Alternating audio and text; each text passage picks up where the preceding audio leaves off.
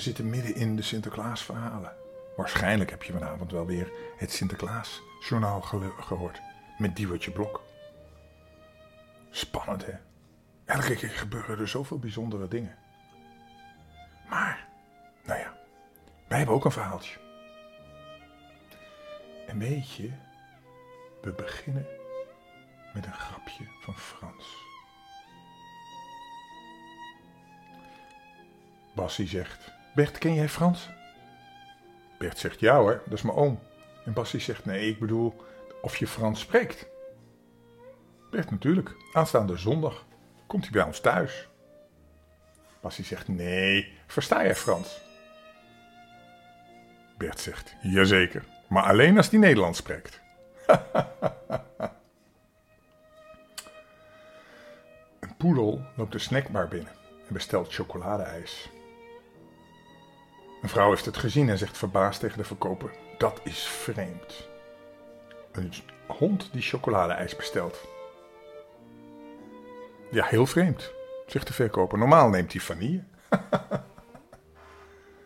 en er staat een chimpansee onder de douche en die roept... En dan zegt zijn moeder... Ja, dan moet je het water ook niet zo warm zetten en niet zoveel chimpanseep nemen. we hebben twee verhaaltjes vandaag over Sinterklaas.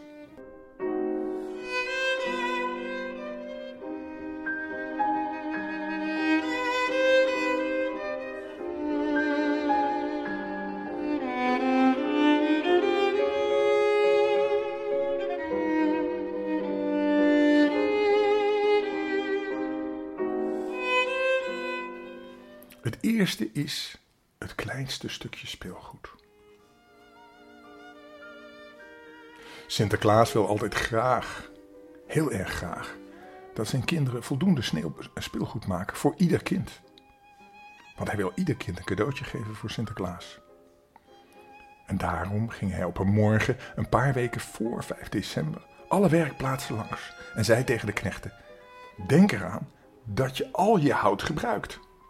Je moet van alles iets leuks maken. Van een heel klein stukje kun je soms iets heel leuks maken. Maar wat kunnen we dan van die kleine stukjes maken, zei Timmer Piet, terwijl hij op een hoop afval wees. Sinterklaas bekeek het en die zei: Je kunt er mooie blokken van maken en die verven. En met zaagsel kun je poppen en beesten opvullen. Maar kijk nu eens naar dit piepkleine stukje, zei een andere Piet. Daar kun je toch echt niks mee beginnen? En hij liet Sinterklaas een stukje hout zien dat niet groter was dan de helft van zijn pink. Even een slokje water nemen.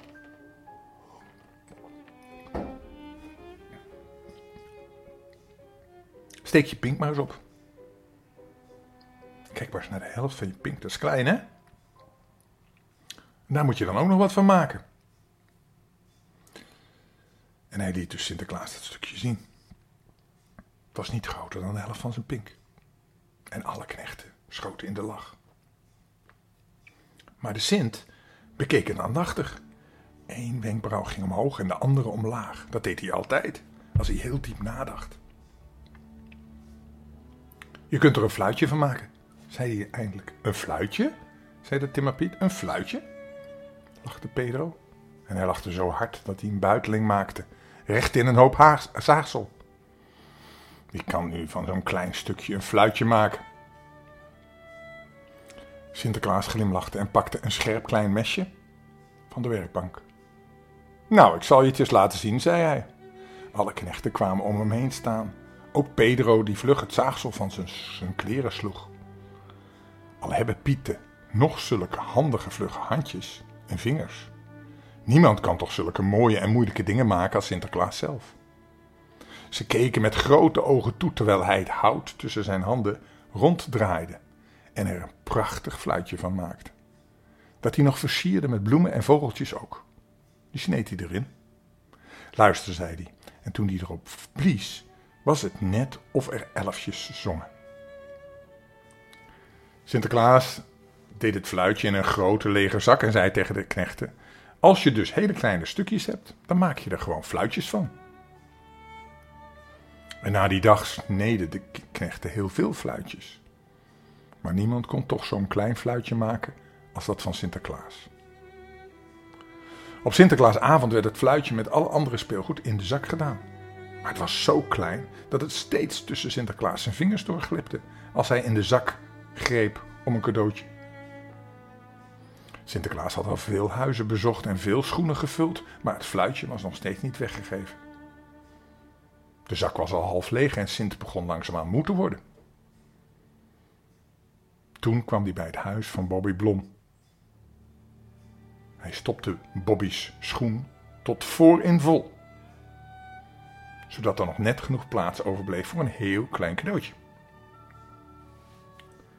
Ik geloof dat ik nog een fluitje heb dat daar precies in past, zei Sinterklaas. En hij pakte het kleine fluitje dat hij zelf had gemaakt uit de zak en hij legde het in Bobby's schoen. Je mag dan het allerkleinste stukje speelgoed zijn. Maar je gaat er toch nog net bij, zei hij vrolijk. Hé, hey, wat is dat? Op het tafeltje vlak bij de haard stond een schaal koekjes en een grote thermosfles vol warme chocolademelk. Lieve Sinterklaas, had Bobby op een stuk papier geschreven, dit is voor u. Ik hoop dat u het lekker vindt. Mmm, zei Sinterklaas terwijl hij van een koekje proefde. Wat heerlijk en wat een lekkere chocola. Ik ga er even bij zitten, dan rust ik meteen wat uit. En Sinterklaas zakte in een diepe zachte stoel en strekte zijn benen uit naar het haardvuur. Terwijl hij van die koekjes at, vielen zijn ogen zo af en toe dicht. Hij knikkebolde en viel in een diepe slaap. Hij merkte dan ook niet dat het kleine fluitje over de rand van Bobby's schoen naar hem keek en hem in de gaten hield. Het leek het fluitje of Sinterklaas heel lang sliep. De oude klok in de hoek van de kamer tikte rustig door. Sinterklaas sliep, terwijl in het hele land jongens en meisjes op hun cadeautjes wachten. De schimmel op het dak hinnikte en de belletjes van zijn tuig rinkelden. Maar Sinterklaas bleef slapen. Op het laatst kon het fluitje zich niet langer inhouden. Probeer Sinterklaas toch wakker te maken, zei het tegen het andere speelgoed. Maar het speelgoed sliep ook. Lieve vuur, help jij me dan? zei het tegen de vrolijke vlammetjes in de aard. Het vuur knetterde zo hard als het kon. En de vlammen loeiden en sisten. Maar Sinterklaas sliep door. Lieve klok, kun jij Sinterklaas niet wakker krijgen? vroeg het fluitje. En de klok tikte zo hard hij kon. Maar Sinterklaas sliep gewoon door. Mijn hemel, wat moet ik doen? zuchtte het fluitje. Sinterklaas blijft vast de hele nacht slapen. En dan krijgen de kinderen geen speelgoed meer. En toen blies meneer de wind net jolig door de schoorsteen. Woewoe, woewoe. Wat is er met jou? Oh, meneer de wind, zei het fluitje. Kunt u me alstublieft helpen? Sinterklaas slaapt. En de nacht is al bijna om. Woehoe, riep de wind weer. Wat kan ik dan voor je doen? Nou, je kan door mij heen blazen, zei het fluitje. En als je dat doet, maak ik geluid. Dan kan ik Sinterklaas wakker maken. Dus blies meneer de wind op door het fluitje heen. Eerst floot het heel zachtjes. En toen was het net of de belletjes rinkelden. Sinterklaas droomde. Hij droomde dat er elfjes lachten. Er kwam een glimlach op zijn gezicht, maar hij werd niet wakker. Toen blies de, blies de wind iets harder. En het fluitje maakte hoge, vrolijke muziek. Sinterklaas droomde nu dat de jongens en de meisjes Sinterklaasliedjes zongen. Hij bewoog zich een beetje, maar hij werd niet wakker. Toen blies de wind flink hard. En het fluitje maakte een geluid of het buiten stormde. Ik moet eens gaan kijken of mijn schimmel het warm genoeg heeft, dacht Sinterklaas in zijn slaap. En plotseling zat hij met een schok rechtop en hij was meteen klaar wakker. Lieve help, ik heb bijna een uur geslapen, zei hij. Wie zou me gewekt hebben? Hij keek de kamer rond en zag het fluitje dat over de rand van de schoen naar hem gluurde. En hij hoorde de wind die zich door de schoorsteen naar binnen haastte. Hij nam het fluitje uit de schoen en zei vriendelijk lachend: Niemand kon me wakker krijgen, behalve jij. Jij bent zo'n klein stukje speelgoed, dat zal Bobby heus niet missen. Maar ik heb je hard nodig. Je blijft bij mij. Hij stopte het fluitje in een zak van zijn wijde mantel en haastte zich het dak op. Hij klom naar zijn schimmel en reed weg.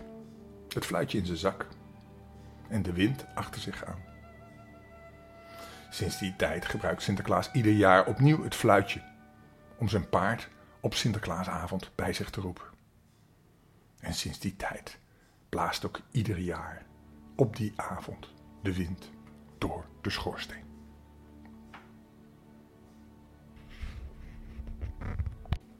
Nou, dan hebben we nog een klein verhaaltje. Het schoentje onder de schoorsteen. Een klein meisje zette eens haar schoentje onder de schoorsteen. Want het zou over een paar dagen Sinterklaasavond zijn. Ze wist niet zo goed wat ze in haar schoentje wilde krijgen. Maar dacht daar eigenlijk zelf ook helemaal niet aan. Ze dacht aan Sint-Nicolaas zelf. Haar ouders hadden er zoveel over verteld. En ze was vol in haar dromen en gedachten van de goede Sint. Ze dacht aan de oude bisschop en zijn schimmel op de daken, die van schoorsteen tot schoorsteen, van huis naar huis ging om geschenken aan de kinderen te brengen. Die wereld van de daken was voor het meisje eigenlijk al halverwege de hemel. En zou dan Sint-Nicolaas een beetje half uit de hemel komen? En hij moest wel goed voor zichzelf zorgen en goed voor zijn paard. En dus aan het paard moesten ze ook goed denken. En de moeder van het meisje had haar een flink stuk brood gegeven om in haar schoentje te doen, zodat de schimmel iets te eten zou vinden. Daarna haalde het meisje zelf nog een bakje water dat ze ernaast zette, want het paard kon wel eens dorst hebben. En dan kon hij drinken. En toen dit alles klaar was, zong ze met haar vader en moeder een paar hele mooie Sint-Nicolaas liedjes bij de schoorsteen. En vol van die heerlijke verwachtingen werd ze naar bed gebracht. Nu droomde ze nog veel meer van Sint-Nicolaas. Nog meer dan ze de hele dag al had gedaan. Ze droomde dat de heilige door de schoorsteen in de kamer kwam. En toen hij zag hoe goed het meisje voor het paard had gezorgd, legde hij een, hart, een hart van suiker in haar schoentje. En toen ging hij met zijn schimmel weer omhoog. Maar het meisje droomde verder. Ze droomde zo mooi dat al dromender haar eigen hart openging.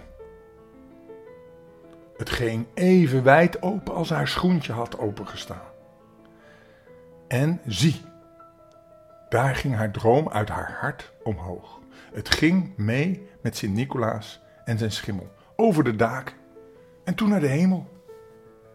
Heel, heel hoog ging het in de hemel. En daar, hoog boven de wolken, tussen de zon en de maan, daar zagen ze een jonge vrouw in een blauwe mantel die langzaam liep over de sterren. En die een heel jong kindje in haar armen droeg. Dat was moeder Maria, die het kerstkindje droeg. Want ja, over een paar weken is het al kerstmis. En daarmee zou de komende kersttijd zich alweer aandienen op aarde. En toen Maria Sint-Nicolaas aan zag komen met de droom van het meisje bij zich op de schimmel, keek ze omlaag. En daar zag ze het meisje zelf in haar bedje liggen. En toen Maria zag hoe wijd het hart van het meisje naar de hemel open stond, nam ze iets van het morgenrood uit het hart van haar kindje en vroeg Sint-Nicolaas dit in het hart van het meisje naar beneden te willen leggen. En Sint-Nicolaas nam deze hartegave van het kerstkind dankbaar mee voor het meisje. En keerde toen met de droom van het meisje terug naar de aarde. En de volgende morgen, toen Sint-Nicolaas weer in Spanje was en de droom van het meisje was teruggekeerd, werd ze wakker Vol spanning ging ze naar beneden. Hoe zou het bij de schoorsteen zijn? Het kommetje was leeggedronken en het brood in haar schoentje was verdwenen. In plaats van daarvan lag er een hart. Een hart van suiker in haar schoen. Het was dus echt waar dat Sint-Nicolaas gekomen was. Maar er was nog iets wonderlijks dat het meisje eerst nog niet gezien had. Het hart van suiker glansde. Het lichtte met een glans die het meisje nog nooit eerder bij suikergoed gezien had. Het hart verspreidde een licht van de rode rozen, zoals men dat ziet als de zon opgaat. Het meisje riep haar moeder en vader en toonde vol blijdschap het lichtende geschenk. Haar ouders vonden het hart prachtig, maar de glans konden ze niet zien. Het meisje verzekerde hun dat het hart werkelijk glansde, dat ze, en ze wist niet dat deze glans het morgenrood was dat in haar eigen hart lag. En dat Sint-Nicolaas daar voor Maria uit het hart van het kerstkind in had mogen leggen.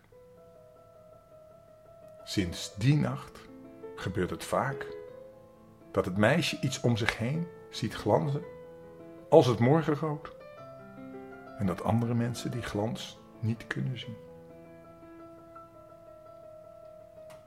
Dat is een mooi verhaal, hè? Als je droomt en je hart openzet, dan krijgt de wereld ook altijd een bijzondere glans. En die kan je alleen maar zien als je heel positief bent.